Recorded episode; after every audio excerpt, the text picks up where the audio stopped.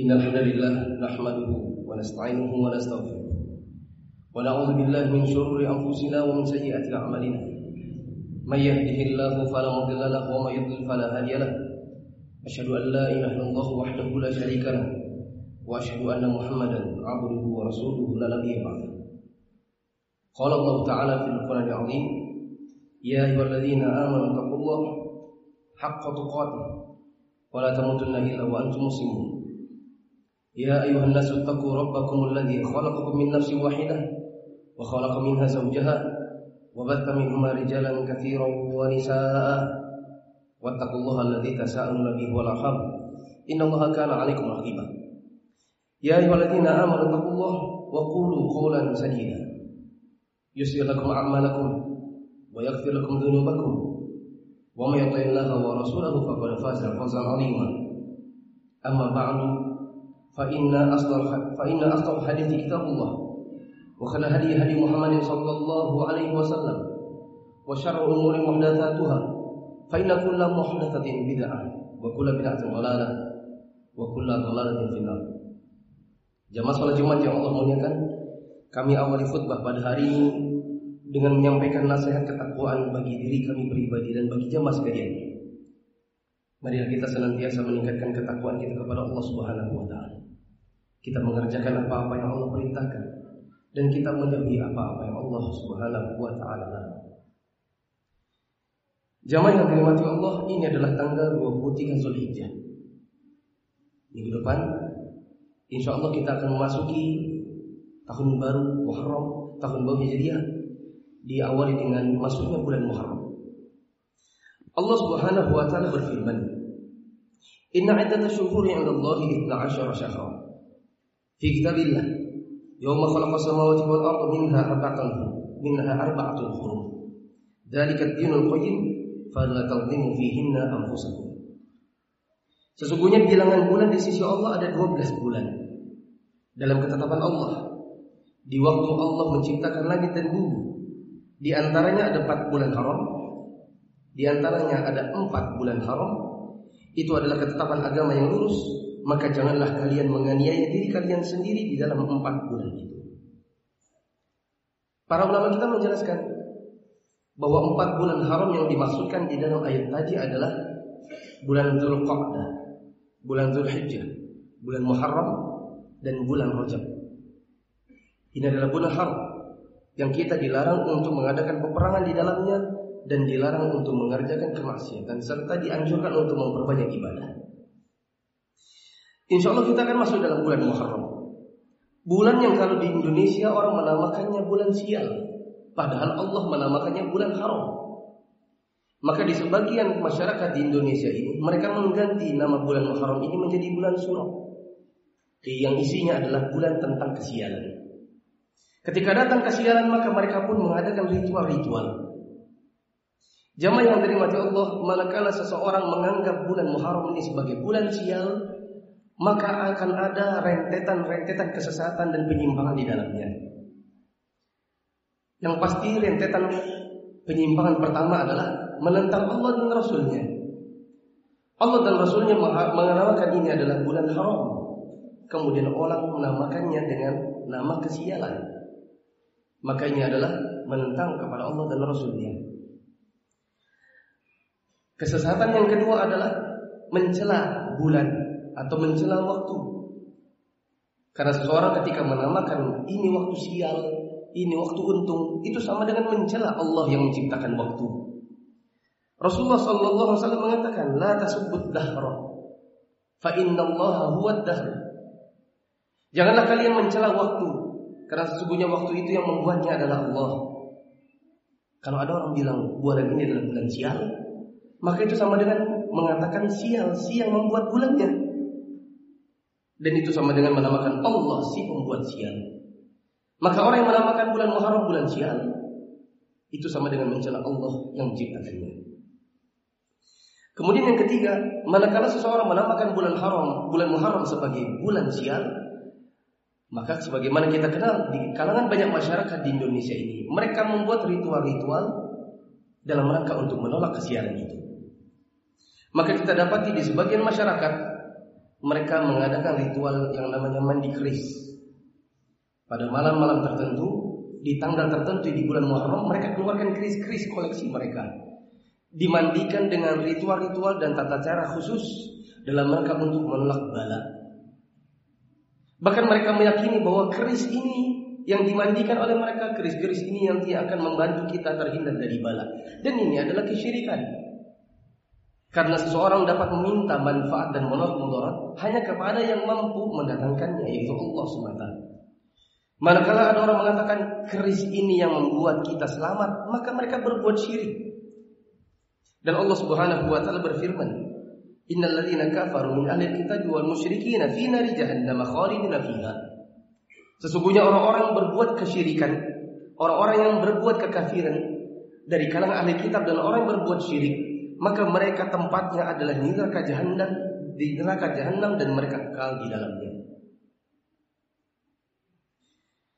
Kemudian sebagian orang ada yang menganggap bulan ini sebagai bulan sial, maka mereka pun mengadakan acara seperti kirap kerbau.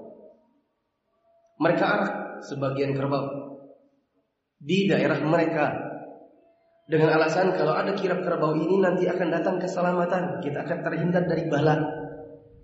Lagi-lagi ini kesyirikan. Karena menjadikan kerbau sebagai Tuhan. Kalau tidak dijadikan Tuhan, maka ini memposisikan kerbau dengan kemampuan seperti Tuhan. Karena mereka mengatakan bisa menolak bala, yaitu kerbau. Dengan ciri-ciri khusus, misalnya kerbau albino. Maka jemaah yang dirahmati Allah, ini pun bentuk kesyirikan. Yang merupakan rentetan gara-gara menganggap bulan Muharram sebagai bulan siang. Sebagian orang memiliki ritual yang lain seperti misalnya membaca jampa-jampi tertentu. Dan di dalam Islam tidak boleh ada jampa-jampi kecuali ruqyah dengan ruqyah yang syariah, yaitu doa-doa yang berasal dari Al-Quran maupun Sunnah. Apabila membuat bacaan-bacaan baru dalam dalam dengan nama jampa-jampi, maka mereka berbuat kesyirikan. Syirik model ketiga. Kata Rasulullah sallallahu alaihi wasallam, "Innar ruqah Wattamaima wa tiwalatu syirkun. Inna ruqa sesungguhnya jampa-jampi ruqyah-ruqyah yang isinya syirkiyah tidak berasal dari Al-Qur'an dan Sunnah. Wattamaima begitu juga uh, tamaim jimat-jimat watiwalah dan yang semacam dengan jimat itu sendiri itu adalah syirik. Barang siapa menggantungkannya maka akan mereka dikatakan telah berbuat syirik. Ini masyarakat Indonesia. Ada model masyarakat yang lain. Mereka memang tidak punya acara kirap kerbau. Mereka memang tidak punya acara keris-keris karena di negeri mereka nggak ada. Mereka mungkin tidak punya bacaan-bacaan uh, campa-campi khusus. Tapi mereka memiliki ritual yang lain yang tidak kalah parahnya. Yaitu mereka berjalan di sekitar kota-kota mereka lalu mereka mencambuki diri mereka. Mereka membawa rantai-rantai yang di ujungnya ditaruh, diikat dengan menggunakan pisau. Lalu kemudian mereka memiliki ritual mencangkuki diri dengan rantai berpisau itu hingga terbelah kepala mereka. Sebagian dari mereka menggunakan pisau itu di tangan lalu diketokkan kepala kepada kepala mereka hingga pecah, hingga terbelah sebagian kulit kepalanya. Tak hanya yang dewasa, yang bayi yang tidak tahu apa-apa pun diperlakukan yang sama. Mereka adalah orang-orang Syiah di mana mereka memiliki keyakinan bahwa bulan Muharram itu adalah bulan ratapan. Di dalamnya mereka meratapi ke kematian Husain. Mereka berdemonstrasi di jalan-jalan dan di lapangan umum memperingati mati syahidnya Husain pada tanggal 10 di bulan Muharram. Sehingga mereka mengatakan ini adalah peringatan Asyura, peringatan di mana kita harus menyiksa diri. Jamaah yang dirahmati Allah. Kalau Anda ikuti agama seperti ini, Anda seperti orang gila. Adapun mengikuti Islam yang sebenarnya sesuai dengan tulan sunnah, maka Anda akan dikembalikan kepada fitrah. Bukti. Kita disunahkan untuk berjalan ke tempat lapangan salat id. Waktu kita pulang, kita disunahkan untuk pulang dengan jalan yang lain. Tapi kita tidak dianjurkan untuk keliling Balikpapan misalnya. Kita tidak disuruh untuk mencari Jalan yang paling jauh keliling-keliling dulu untuk bisa sampai kembali ke rumah. Misal, Anda tinggal di regensi. Anda ingin pergi sholat di lapangan sholat id, misalnya di Jatra. Anda disunahkan untuk berangkat misalnya lewat batu uh, Gunung Bakar, Anda pulang misalnya lewat Gunung Sari. Tanpa harus pergi dulu ke kelandasan, ke jalan minyak, keliling balik papan hanya untuk pulang, mencari jalan yang lain. Tidak. Bukti yang lain, kita disunahkan untuk pergi ke masjid berjalan kaki. Tapi tetap kita dimakruhkan untuk berjalan dengan setapak-setapak yang ukurannya kecil. Hanya dalam rangka untuk memperbanyak telapak kaki, memperbanyak langkah kaki, lalu kemudian kita harus menyiksa diri dengan berjalan kecil-kecil. Ini tidak disunahkan. Lalu bagaimana kemudian ada orang mengatakan kita siksa diri kita sebagai bagian dari agama dengan membelah kepala, membelah punggung, mencambuki diri, bahkan melakukan yang sama kepada anak-anak bayi mereka. Tentu ini di luar akal sehat. Maka jamaah yang terima Allah, bulan Muharram adalah bulan haram. Di dalamnya kita dilarang untuk bermaksiat dan dianjurkan untuk beribadah, tapi tidak boleh ada kesyirikan di dalamnya dan tidak boleh pula ada ritual-ritual yang tidak sesuai dengan sunnah bahkan sifatnya menyiksa diri. Insya Allah pada khutbah yang kedua saya akan sampaikan bagaimana seseorang bisa beribadah di dalam bulan Muharram. أقول قولي هذا واستغفر الله لي ولكم المسلمين إنه هو الغفور الرحيم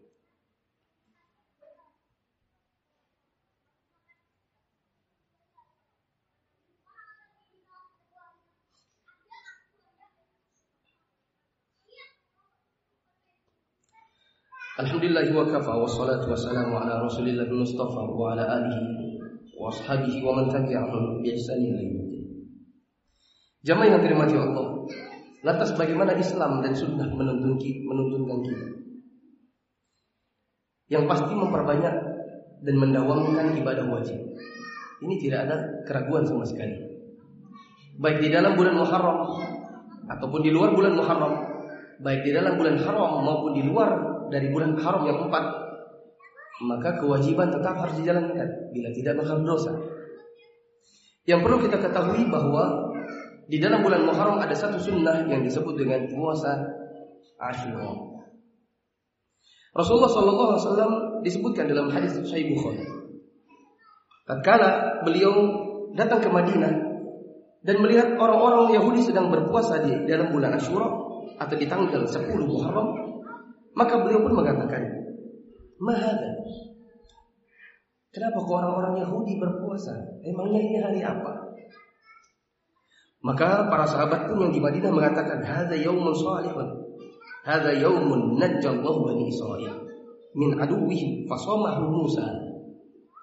Ya Rasulullah, ini adalah hari yang dianggap oleh orang Yahudi sebagai hari baik. Karena di hari inilah Allah menyelamatkan Musa dan pasukannya dari kalangan orang-orang musuhnya. Maka dengan dalam rangka memperingati kesyukuran karena Allah telah menyelamatkan mereka, maka Nabi Musa, maka Nabi Musa pun berpuasa. Mendengar penjelasan para sahabat ini, maka Rasulullah Sallallahu Alaihi Wasallam menjawab. Kata beliau, saya lebih berhak daripada Musa. Kalau begitu, hari ini kita berpuasa. Maka Rasulullah pun kemudian berpuasa.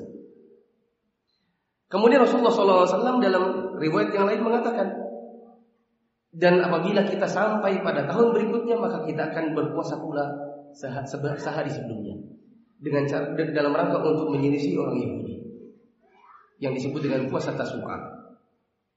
Hanya saja Allah eh, hanya saja Rasulullah sallallahu alaihi wasallam tidak sampai pada tahun berikutnya dan tidak sampai mengerjakan puasa Tasu'a itu sendiri. Maka jamaah yang dirahmati Allah di antara yang diinginkan oleh Islam dan Sunnah oleh Allah dan Rasulnya ada di dalam bulan Muharram kita berpuasa sunnah yang disebut dengan puasa Tasu'a dan juga puasa Ashura. Puasa Tasu'a dilaksanakan di tanggal 9 Muharram dan puasa Ashura dilaksanakan di tanggal 10 Muharram. Apa manfaatnya? Rasulullah sallallahu alaihi wasallam mengatakan afdhal siyami ba'da Ramadan syahrullahil haram atau syahrullahil muharram. Sebaik-baik puasa setelah puasa Ramadan adalah puasa di bulan Muharram. Dalam riwayat yang lain, riwayat Imam Muslim Rasulullah SAW mengatakan, "Wa yaumu wa saumu yaumi Asyura inni ahtasibu 'ala Allah an yukaffiru as-sanata allati qablaha. Adapun puasa Asyura saya berharap agar dengan menjalankannya maka Allah akan mengampuni dosa-dosa satu tahun yang lalu. Maka menjalankan puasa Asyura di antara manfaatnya adalah mendapatkan pengampunan dosa yaitu dosa setahun yang lalu dengan syarat bahwa yang diampuni hanyalah dosa-dosa ringan. Karena dosa-dosa besar harus bisa diampuni apabila dengan taubat.